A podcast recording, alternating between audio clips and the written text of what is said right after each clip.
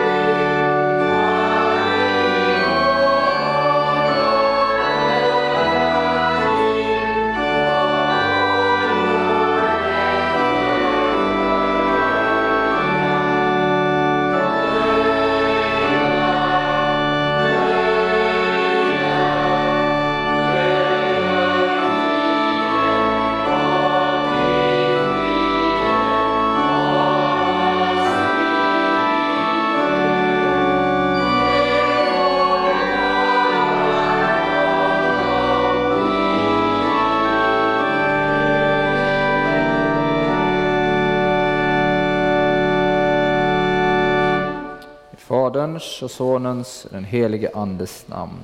Amen. Idag när det är juldagen så samlas vi runt stallet i Betlehem.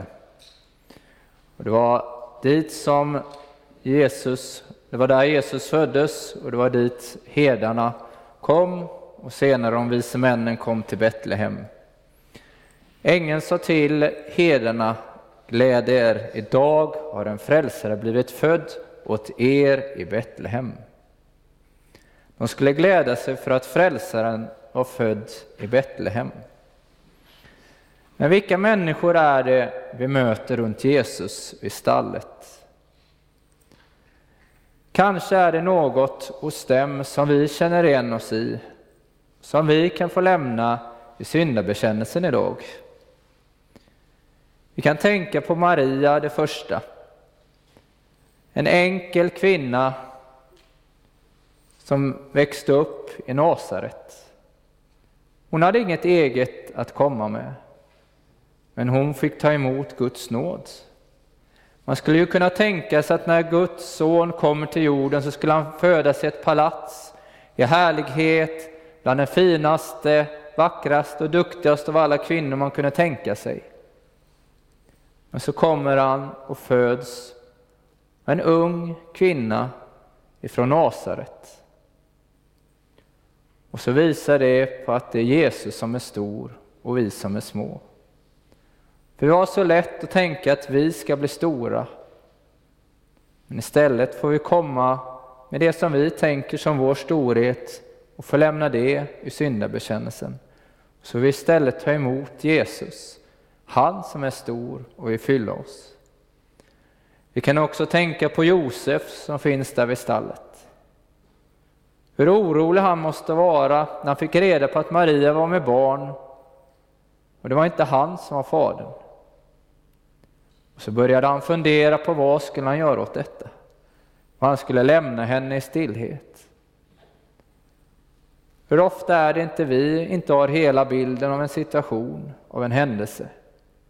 Och så börjar vi spekulera. Vi börjar tala så mycket och samtala om olika saker.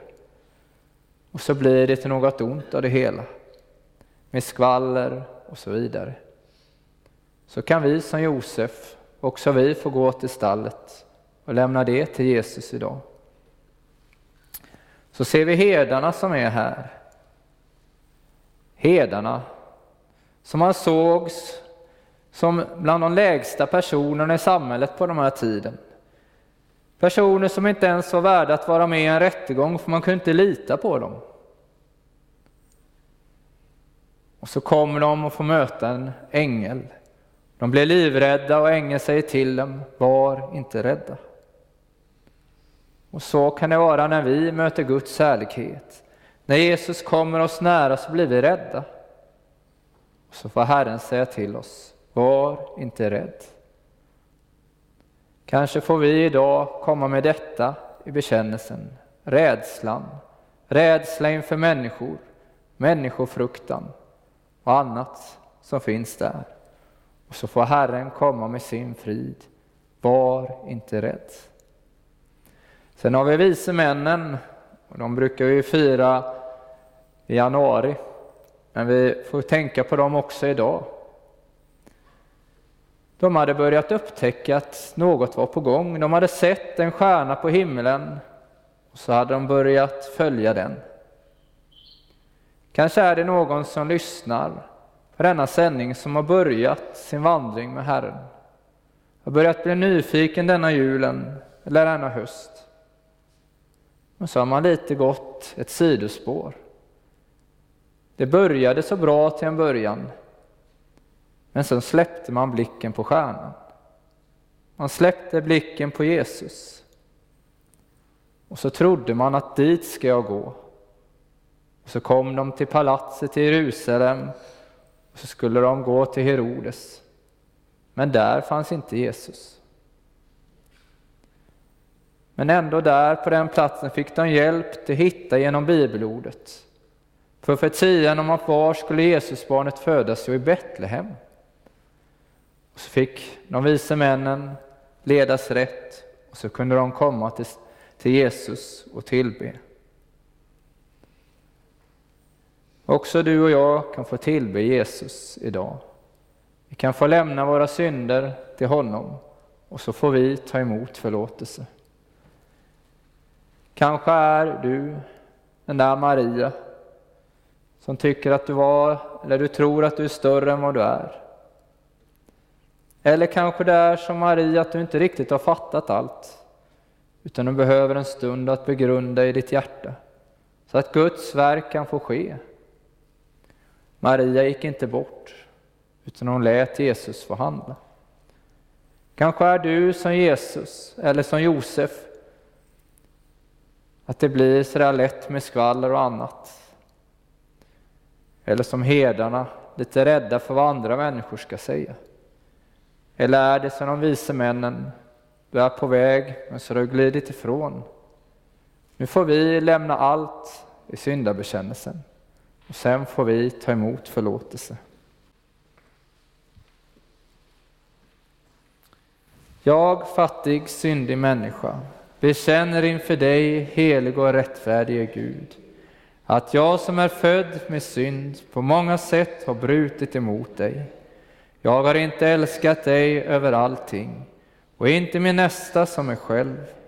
Mot dig och dina bud har jag syndat med tankar, ord och gärningar.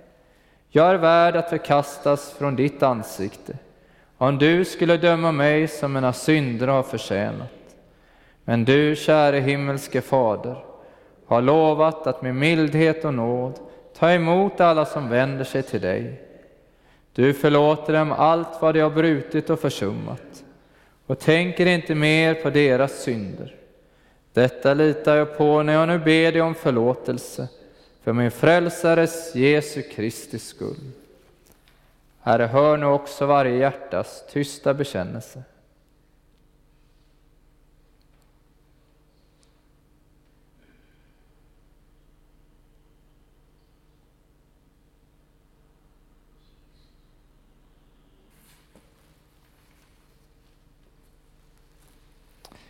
Begär du dina synders förlåtelse för Jesu Kristi skull, så är det kraft av Guds ord och löfte fast och visst, att Gud av nåd förlåter dig alla synder. Och denna förlåtelse tillser jag dig på vår Herres Jesu Kristi befallning, i Faderns och Sonens och den helige Andes namn. Amen.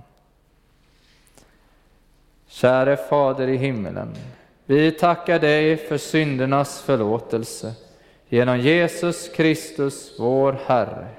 Amen.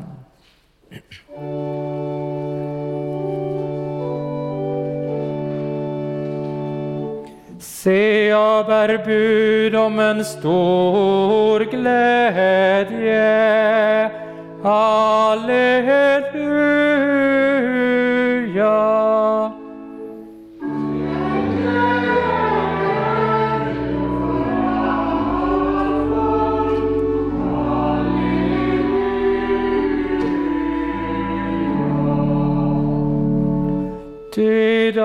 Har en frälsare fötts åt er.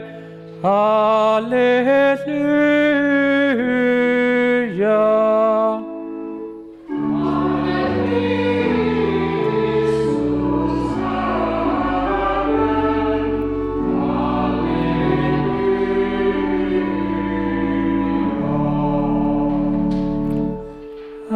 Ära vare Fadern och Sonen och den helige Ande.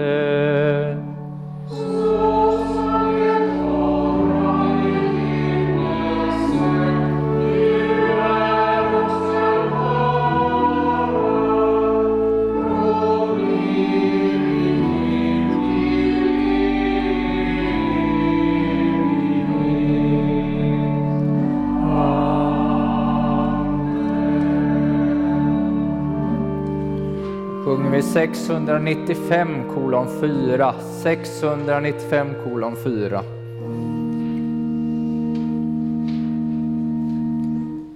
Du evigt strålande morgonsol, ge oss mod och kärlek.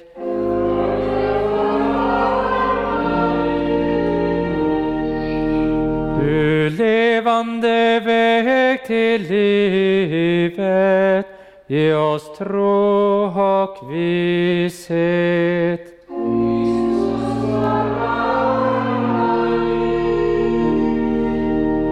Du öppna port till salighet, ge oss hopp och lycka.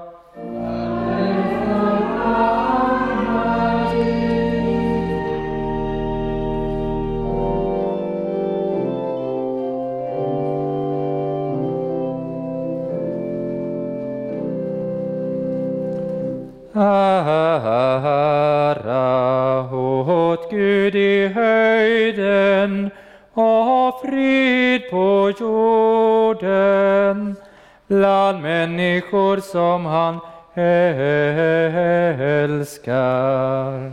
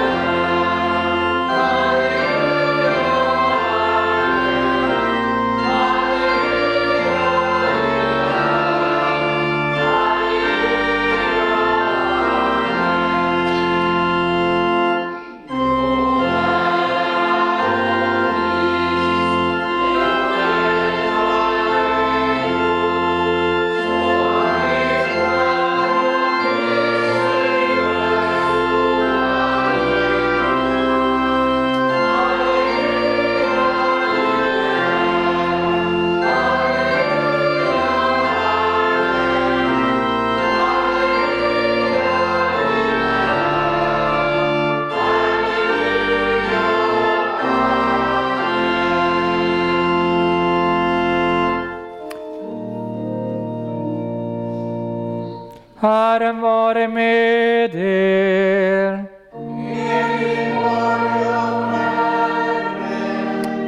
Låt oss bedja. O Gud, vår Herre, du som till vår frälsning sänt din Son, din härlighets utstrålning och ditt väsens rätta avbild. Ge oss nåd att öppna våra hjärtan för honom, så att vi en gång, fria från synden, får vara hos dig i himmelen. Genom din Son Jesus Kristus, vår Herre, som lever och regerar med dig och den helige Ande, i en gudom från evighet till evighet. Amen. Så får du lyssna till dagens gammaltestamentliga läsning som är hämtade från Jesaja 9, verserna 2 till 7. Det folk som vandrar i mörkret ska se ett stort ljus, över dem som bor i dödsskuggans land ska ljuset stråla fram. Det folk som du inte givit stor glädje låter du bli talrikt. Det ska glädja sig inför dig, så som man gläds under skördetiden, så som man fröjdar sig när man delar byte. Ty deras bördors ok, deras guldrors gissel och deras plågade stav bryter du sönder liksom i Midjans tid. Ja, varje stövel buren under stridslarm och varje mantel vältrar i blod ska brännas upp förtäras av eld. Ty ett barn blir oss fött, en son blir oss given, på hans axlar vilar herradömet, och hans namn är under, rådgivare, mäktig Gud, evig fader, fridsförste. Så ska herradömet bli stort och friden utan slut är Davids tron och hans kungarike. Det ska befästas och stödjas med rätt och rättfärdighet från nu och till evig tid. Herren Sebots nitälskan ska göra detta. Så lyder Herrens ord. Gud, vi tackar dig.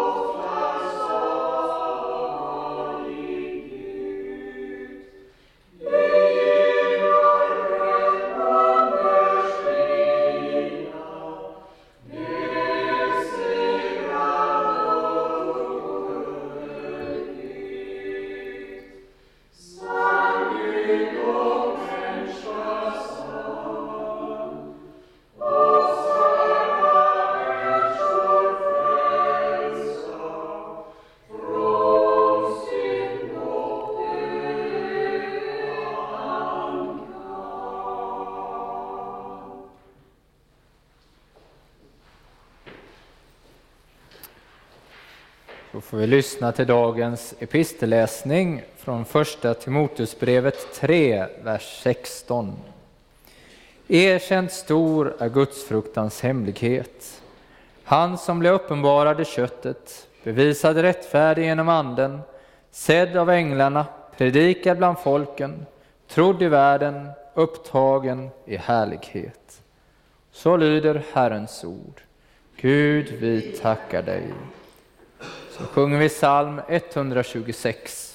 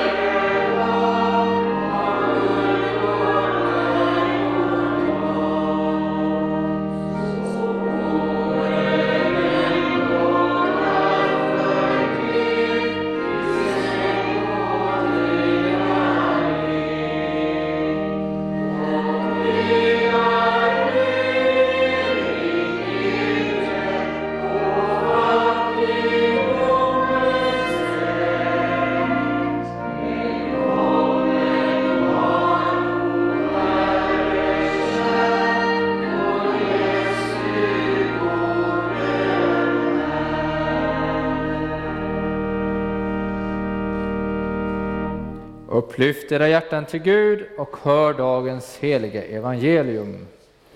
Så skriver evangelisten Lukas i sitt andra kapitel, de 20 första verserna. Och det hände vid den tiden att från kejsar Augustus utgick ett påbud att hela världen skulle skattskrivas. Detta var den första skattskrivningen och den hölls när Quirinius var landshövding över Syrien. Alla gav sig då iväg för att skattskriva sig, var och en till sin stad. Så for också Josef från staden Nasaret till Galileen, upp till Judeen till Davids stad som heter Betlehem, eftersom han var av Davids hus och släkt. Han for dit för att skattskriva sig tillsammans med Maria, sin trolovade, som var havande. När de befann sig där var tiden inne då hon skulle föda. Hon födde sin förstfödde son och lindade honom och lade honom i en krubba, eftersom det inte fick plats i härberget. I samma trakt uppehöll sig några herdar som låg ute och vaktade sin jord av natten. Då stod en Herrens ängel framför dem, och Herrens härlighet lyste omkring dem, och de blev mycket förskräckta. Men ängeln sade, var inte förskräckta. Se, jag bär bud till er om en stor glädje för hela folket. Ty idag har en frälsare blivit född åt er i Davids stad, och han är Messias, Herren. Och detta är tecknet. Ni ska finna ett nyfött barn som är lindat och ligger i en krubba. Och plötsligt var det tillsammans med ängeln en stor himmelsk här som prisade Gud. Ära vare Gud i höjden och frid på jorden till människor hans välbehag. När änglarna hade farit upp till himlen sade herdarna till varandra. Låt oss nu gå till Betlehem och se det som har hänt och som Herren har låtit oss veta. De skyndade iväg och fann Maria och Josef och barnet som låg i krubban. När de hade sett det berättade de vad som hade sagts till dem om detta barn. Alla som hörde det förundrades över vad herdarna berättade för dem. Men Maria bevarade och begrundade allt detta i sitt hjärta. Och herdarna vände tillbaka och prisade och lovade Gud för allt som de hade hört och sett, alldeles som det hade blivit sagt till dem. Så lyder det heliga evangeliet. Lovad vare du, Kristus. Så får vi bekänna vår heliga kristna tro. Vi tror på Gud Fader allsmäktig, himmelens och jordens skapare. Vi tror också på Jesus Kristus, hans enfödde Son, vår Herre, vilken är avlad av den helige Ande, född av jungfru Maria, pinad under Pontius Pilatus, korsfäst, död och begraven, nederstigen till dödsriket, på tredje dagen uppstånden igen ifrån de döda, uppstigen till himmelen, sittande på allsmäktig Gud Faders högra sida, därifrån igenkommande till att döma levande och döda. Vi tror också på den heliga Ande, en helig allmänlig kyrka, det heliga samfund, syndernas förlåtelse, det dödas uppståndelse och ett evigt liv. Sjunger vi psalm 114, 114.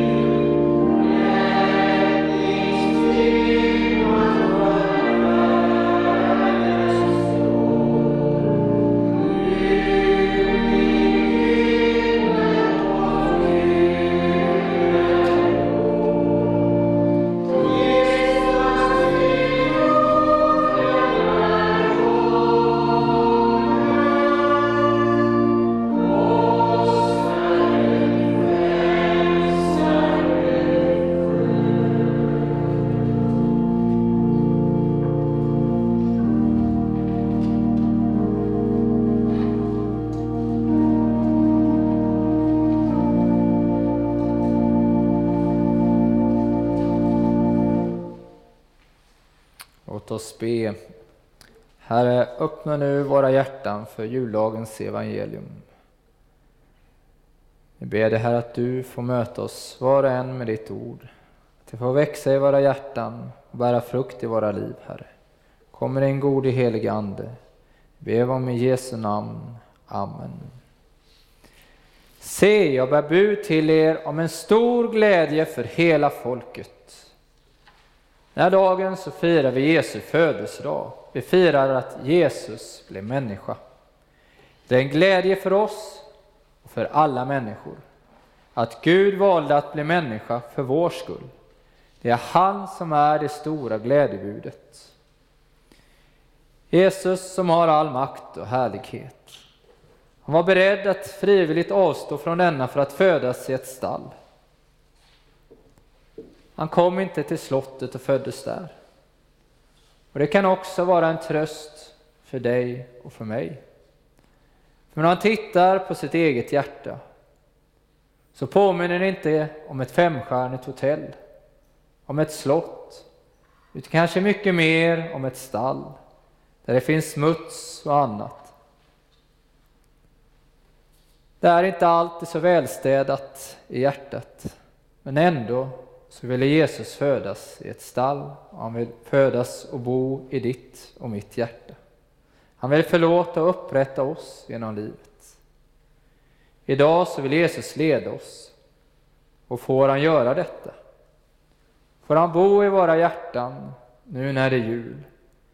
Eller är det så mycket annat trevligt som vi ska hinna med så att han inte får plats? Vi ska för det första se på Jesus föddes i enkelhet. Det är lätt att julevangeliet bara blir en sak i mängden av allt annat under julen. Ofta blir det sådär lite mysigt som en julkrubba. Så tänker man att det passar in bland tomtar, julgran, paket och allt annat. Och så blir det för många som en enkel saga. Men det är ingen saga utan det är ett livsviktigt budskap. Ett livsviktigt ord att Jesus blev människa. För julevangeliet det är något som är sant, något som är viktigt. Lägg märke till hur det är nedskrivet i Bibeln. Det är inga ord för mycket, inga överdrifter. Det är nästan motsatsen till hur många av oss fira jul. Det kan bli så mycket mat att man knappt orkar gå från bordet. Det kan bli så mycket paket att man knappt ser granen. Men ibland så får man stanna ner i allt det där andra och se vad julen egentligen handlar om. Det andra kan också vara gott att ha, men det viktigaste är att så stanna ner. Stanna ner vid julens budskap och lyssna på julevangeliet och se den glädje som finns där när änglarna kommer och berättar för herdarna. Ibland så behöver man stanna ner som Maria.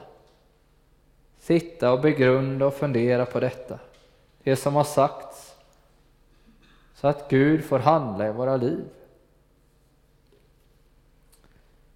Den första julen var nog inte lika mysig som vi brukar ha våra jular. Men jag tror att Josef och Maria kände av julstressen. De skulle lämna Nasaret och så bege sig till Betlehem. Tänk er en höggravid kvinna och så bege sig iväg på en lång vandring. Samtidigt kanske det fanns lite av befrielse att få lämna Nasaret bakom sig. Alla hån, alla smädelser som fanns. Maria som bar på ett barn som inte var Josef. Man kan bara tänka på hur orden gick runt i Nasaret. Så fick de lämna Nasaret och bege sig till Betlehem, 13 mil därifrån. Betlehem ligger i närheten av Jerusalem och det var många människor som skulle dit och skattskriva sig.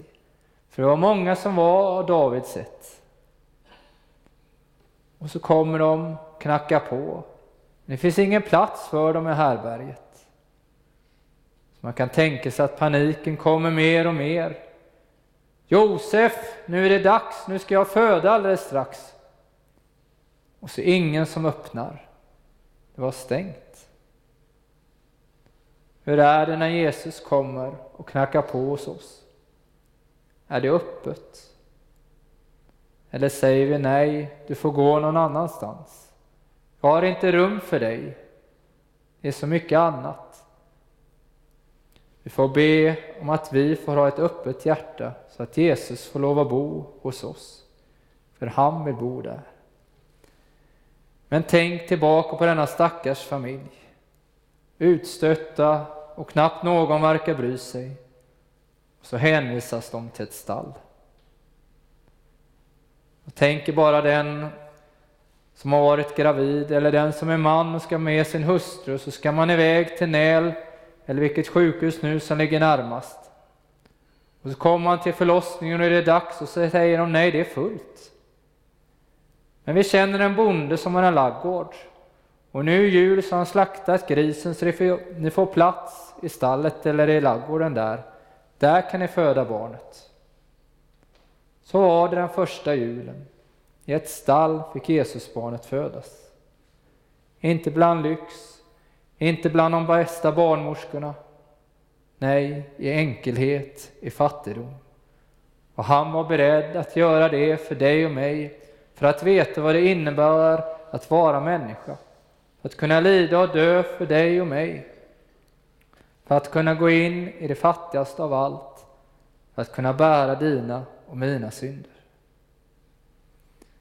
Det andra vi ska höra om idag det är änglarnas predikan. Änglarna var egentligen de första predikanterna här kan man tänka sig. Och de höll en tredelad predikan. För det första som ängeln sa, det var var inte förskräckta. Var inte rädda. Och så märker vi i Bibeln gång på gång när människor möter Guds härlighet, Guds helighet, så blir man rädd. Och gång på gång så får änglarna säga var inte rädda. Och så är det också när Gud kommer nära. När vi märker hans närhet och ser vår egen brist, synd och tillkortakommande. Då kan man bli rädd, man blir orolig. Och många är de som vittnar om i Bibeln hur man ser hur de nästan tror att Gud ska döda dem på fläcken, hur de ska klara av att vara i Guds närhet. Vi hör från Gamla Testamentet, ve mig, för jag förgås, jag är ett orent hjärta. Och så fick man offra i Gamla Testamentet för att kunna möta Gud, för att försona. Men så pekar alla offren fram emot han som föddes där i stallet i Betlehem.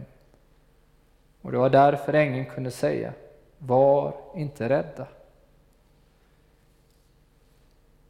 Det andra som ängeln sa, det var, jag bär bud till er om en stor glädje för hela folket. Och ett glädjebudskap. Ett glädjebudskap att dela med sig till hedarna och inte bara till dem utan till hela folket. Ja, till alla folk i hela världen. Jesus säger ju senare i missionsbefallningen, då trädde Jesus fram och talade till dem och sade, åt mig har getts all makt i himlen och på jorden. Gå därför ut och gör alla folk till lärjungar. Döp dem i Faderns och Sonens och den helige Andes namn och lär dem att hålla allt vad jag har befallt er. Och se, jag är med er alla dagar till tidens slut. Glädjebudskapet, det får gå ut, det får gå vidare har det har gått från lärjungarna ut till nya människor. Och nu får det fortsätta ut på missionsfältet. Nya människor får sändas ut och berätta om Jesus för andra. Men också i vårt land så kommer många folkslag som inte har hört om Jesus. Många människor som inte har lärt känna Jesus. Ja, också här i Uddevalla så finns det mängder av människor som inte känner Jesus. En del av dem är födda här i Sverige, en del är det inte. En del av dem ser kanske, tycker kanske någon av oss ser lite annorlunda ut. Kanske pratar de dålig svenska. Kanske är de till och med muslimer. Men idag säger Jesus till oss att inte vara rädda för människor, utan gå ut och berätta om honom för andra. Men vad är det vi ska gå ut och berätta för andra om? Och det här var det tredje ängeln säger. Ty idag har en frälsare blivit född åt er i Davids stad och han är Messias Herren. Herdarna skulle inte gå ut och berätta om sina får eller något sånt, utan de skulle gå ut och berätta om Messias, Herren, det var honom de skulle se. Och ängeln är tydlig med att det är frälsaren som föds i Betlehem. Det är inte bara en frälsare bland mängden, utan det finns bara en frälsare. Frälsaren med stort F. Ja, hos ingen annan finns frälsningen. Och under himlen finns inget annat namn som människor fått genom vilket vi blir frälsta. Det är oerhört stor skillnad på när man talar om att Jesus är vägen, sanningen och livet, livet var man sätter det här ordet. Om man har ett liv, en väg, en sanning. Eller om man är vägen, sanningen och livet. Idag talar människor om att han är bara en väg bland många. Men så säger inte Guds ord. Utan Guds ord säger att han som föddes i Betlehem, han är vägen, sanningen och livet. Och det är om honom människor behöver höra. För Jesus, han är frälsaren, vår frälsare, som hjälper oss att bli av med vår skuld och skam, med våra synder. Det är bara han som kan frälsa och rädda oss. Det var, det, det var därför han blev människa och föddes i Betlehem. För alltihop pekar fram emot korset på Golgata, där han frälser oss och tar bort våra synder. Där i Betlehem så lindades han och lades i en krubba. Fick han bli människa för vår skull. Och sen när han uppstår efter att ha besegrat synden och döden och djävulen på korset, så ligger dessa mänskliga linnebindlarna, de ligger kvar och han har besegrat synden, döden och djävulen. Så pekar krubban fram emot korset och uppståndelsen. Jesus har besegrat allt sammans. Så talar ängeln om att det är Messias som skulle födas. Messias, det betyder en smorde. Det var många som väntade på att Messias skulle komma. Man tänkte, ja men nu kommer han som ska driva ut romarna och befria oss. Men istället så kom den lidande Messias. Han som kom i fattigdom, föddes i ett stall. Han kom för att befria och rädda. Och Det tredje som ängeln beskriver Jesus som, det är att han är Herre. Han är Herre, han är Gud, han är sann Gud och sann människa. Ja, ordet blev kött och bodde ibland oss och vi såg hans härlighet, en härlighet som enfödde har från Fadern. Han var full av nåd och sanning. Så blev Gud människa för vår skull. Ett nyfött barn lindades och lades i en krubba. Ja, han lämnade all härlighet för att kunna bli människa, för att kunna lida för dig och för mig. Han gjorde det för att han älskar oss var och en. Att det verkligen gäller oss, det hör vi hur ängeln också sjunger. Ära vare Gud i höjden och frid på jorden, till människor hans välbehag. Ja, frid till hela jorden. Och det är det som vi sjunger söndag efter söndag, eller prästen sjunger innan lovsalmen. Ära vare Gud i höjden och frid på jorden, till människor hans välbehag. Denna lovsång kunde de sjunga just för att Jesus skulle försona för alla människor. Det som Gud långt tidigare hade bestämt redan när Adam och Eva hade fått det första löftet om att han skulle komma. Nu var det på gång och änglarna kunde jubla. Så då har då vi alltså har förklarats rättfärdiga och tro har vi frid med Gud genom vår Herre Jesus Kristus. Så skulle inte herdarna, inte folket eller någon längre behöva frukta, för Gud skulle ge dem frid. Ty idag har en frälsare blivit född åt er i Davids stad, och han är Messias Herren. Är du som sitter här i kyrkan, eller är där hemma, är du rädd inför framtiden? Är du orolig inför denna coronatid som råder? Eller är gammal och äldre och är rädd för framtiden? Idag så går änglarnas budskap också ut till dig. Var inte rädd. En frälsare har blivit född åt dig. Han vill gå med dig också i orons tider. Också när du känner ängslan så vill han vara med och ge dig frid. Verbets form på detta var inte rädda eller var inte förskräckta. Det innebär att upphöra med något som de var sysselsatta med. De var sysselsatta med att vara rädda. Men de skulle upphöra med detta. Du och jag, vi behöver inte oroa oss, för Gud har all makt i himmelen och på jorden. Han har också koll på dessa, denna pandemi som råder. Man kan oroa sig över så mycket. Och Gud vill också leda oss genom detta. Han vill ta hand om oss och leda oss. Så var inte rädd, utan låt Herren få leda dig. Inte bara idag, utan ända in i evigheten. Så ska vi för det tredje och sista få höra om budskapet tas emot och delas vidare.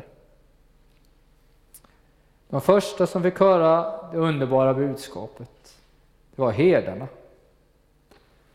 Dessa, denna yrkesgrupp som hånades, denna yrkesgrupp som man inte litar på. Denna grupp som den judiska kommentaren Talmud säger att man inte skulle anlita som vittnen i en rättssak.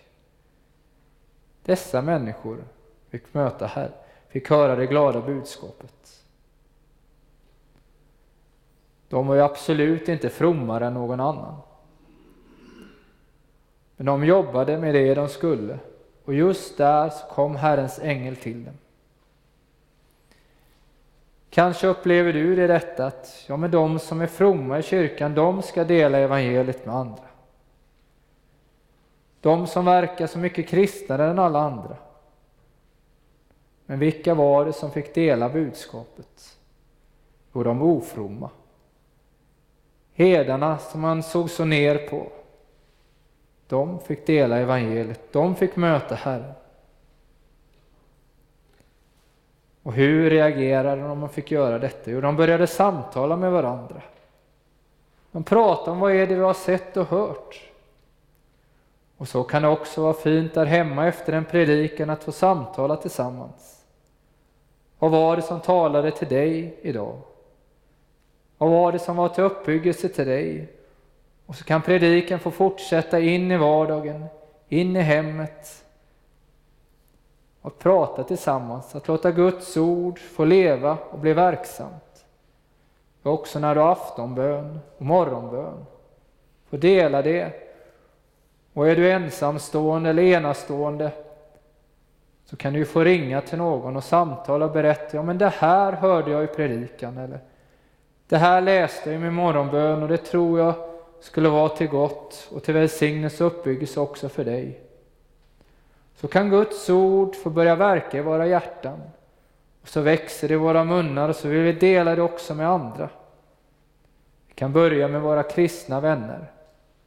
Och sen så blir det säkert att man inte kan hålla tyst.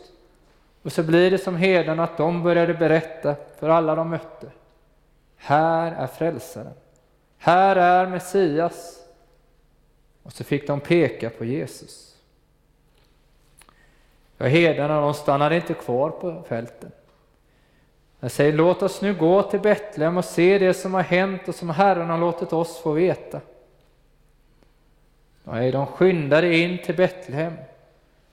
De ville möta Jesus, de ville se om det var sant det som änglarna hade sagt. Och det stämde, de fick möta Jesus och tillbe honom. Många människor har fått uppleva Gud och fått vara med om mycket. Så blev det så mycket annat som blev viktigare. Man skyndade inte till kyrkan. Man skyndade inte till Bibeln. Och så missade man. Så tog man inte vara på nådatillfället som gavs. Jag vill uppmuntra er att skynda till kyrkan, eller skynda till datorn och se och lyssna och till Guds ord. Att ta vara på tillfällena som ges. Så man inte missar ett tillfälle. Så som Thomas missade Jesus. Men sen kom Jesus till honom. En annan gång, och där finns också den uppmuntran. Att har jag fallit ifrån, eller har jag missat eller på glid, så vill Herren möta mig ännu en gång. Han vill komma och skapa tro och väcka tro hos mig. Han vill komma tillbaka. När vi firar gudstjänst så är det viktigt att det inte blir en transportsträcka. Inte bara blir en vana, utan att vi som Maria får sitta ner, bevara och begrunda det vi får höra, så att det får växa i våra hjärtan. Lärjungarna, de fick sina liv förvandlade. Och så blev, blev det så att de gick och berättade om vad de hade sett och hört. Och folket, de förundrade sig över, är det Messias som har kommit? Är det frälsaren som har kommit? Tänk om vi kunde gå tillbaka till skolor och arbetsplatser, och våra hem efter julen och våra hjärtan är förvandlade. Att vi kan få säga som Emmaus-lärjungarna, brann inte våra hjärtan? Att det kan få börja brinna på nytt. Kanske är det så att det brann i din ungdom, nu så ligger det där och ryker. Men att Gud med sitt ord kan få tända på nytt. Så att när man går ut ifrån kyrkan kan säga, men nu brinner det igen. Det där som ligger och ryker som inte Herren vill släcka ut. Nu har det fått börja brinna på nytt. Nu känner jag den där längtan att jag har något att dela med mig till min nästa. För Jesus har kommit. Och han har frälst och räddat mig. Men han har också frälst och räddat den som bor där utanför. Som inte går och kommer till kyrkan. Så låt det få bli vår julbön. Att be för dem som inte känner Herren. Så att de också kan få höra det glada budskapet så att också de kan få en riktigt god jul. Vi ber, Herre tack för att du är god och älskar oss. Tack Herre för att du vill leda oss också denna jul och in i det nya året så snart närmar sig. Led oss och ta hand om oss. Jag låt ditt ord få skrivas i våra hjärtan genom din heliga Ande så att vi inte blir glömska hörare, utan varje dag får växa till i tro, hopp och kärlek och tålamod intill tidens slut och bli saliga genom Jesus Kristus, vår Herre. Amen. Hoppets Gud uppfyller er med all glädje och frid i tron, så att ni har ett överflödande hopp i den helige Andes kraft. Amen. Så sjunger vi psalm 123.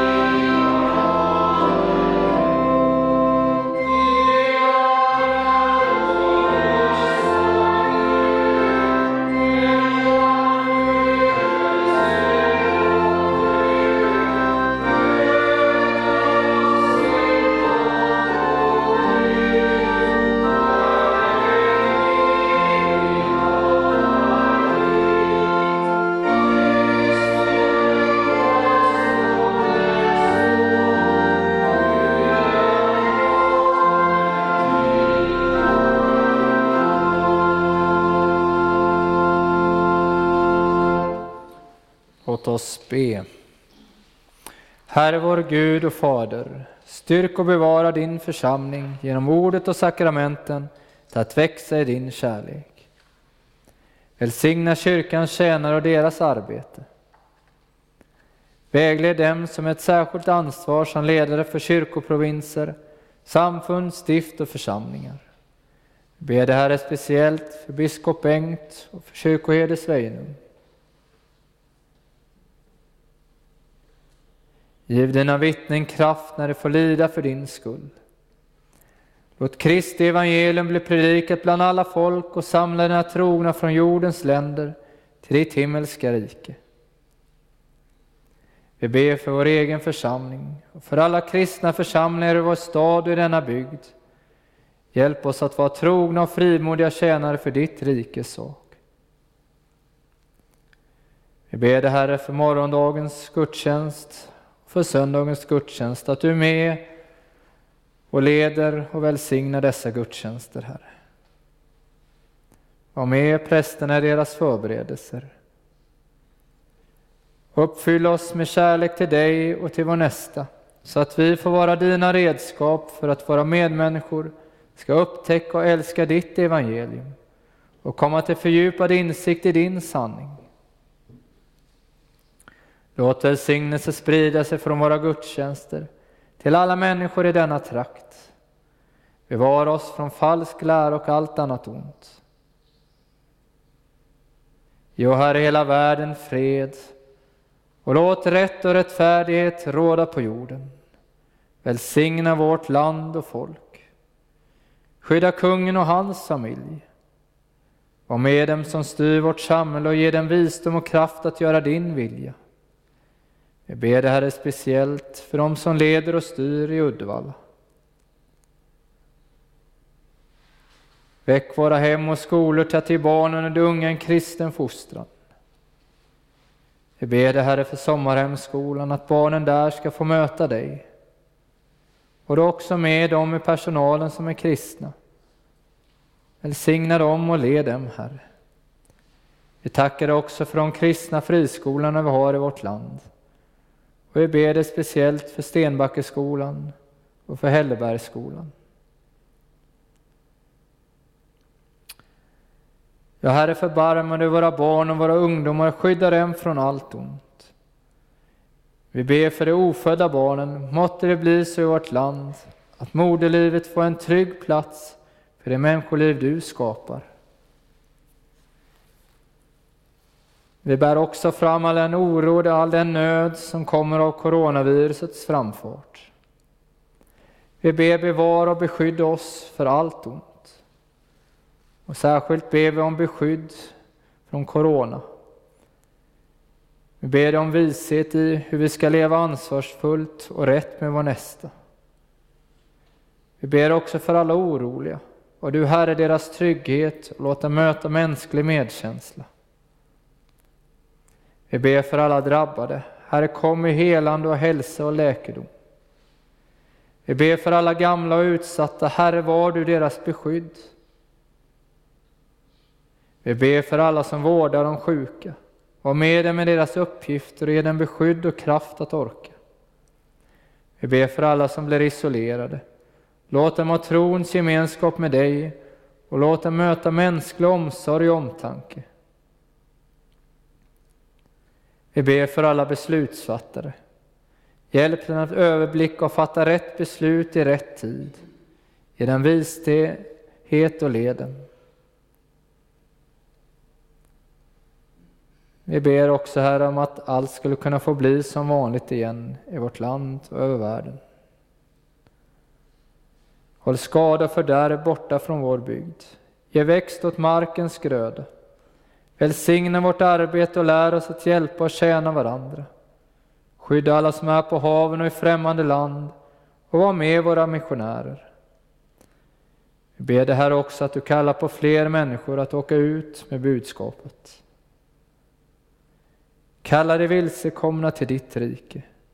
Kom med hjälp till den som kämpar för sin frälsning. Tänk på dem som är i fara och frestelse, i ångest och förtvivlan på alla fattiga och sjuka, ensamma och sörjande.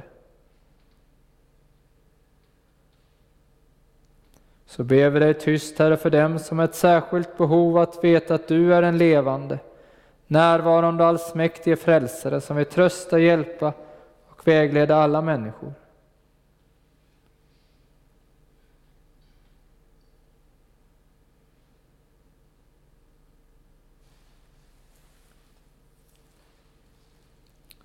Och Gud, hjälp oss väl genom livet så att vi i tron på Kristus får lämna världen och gå in i din glädje.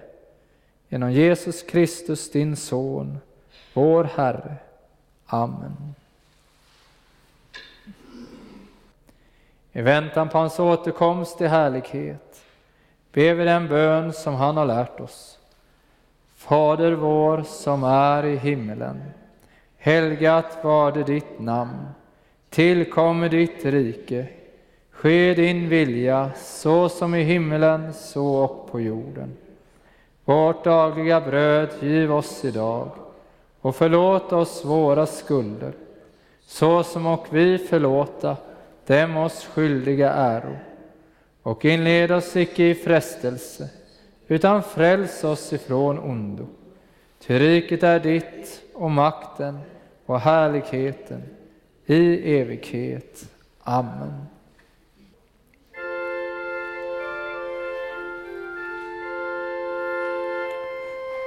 Låt oss tacka och lova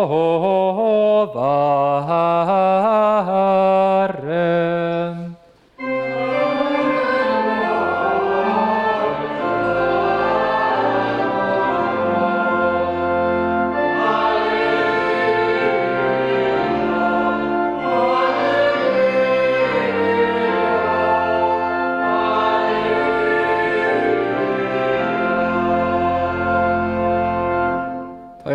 Herrens välsignelse.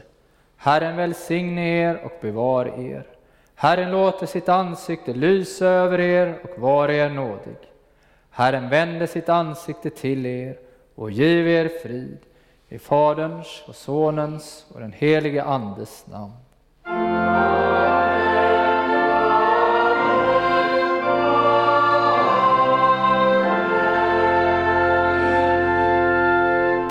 Sjunger vi psalm 122.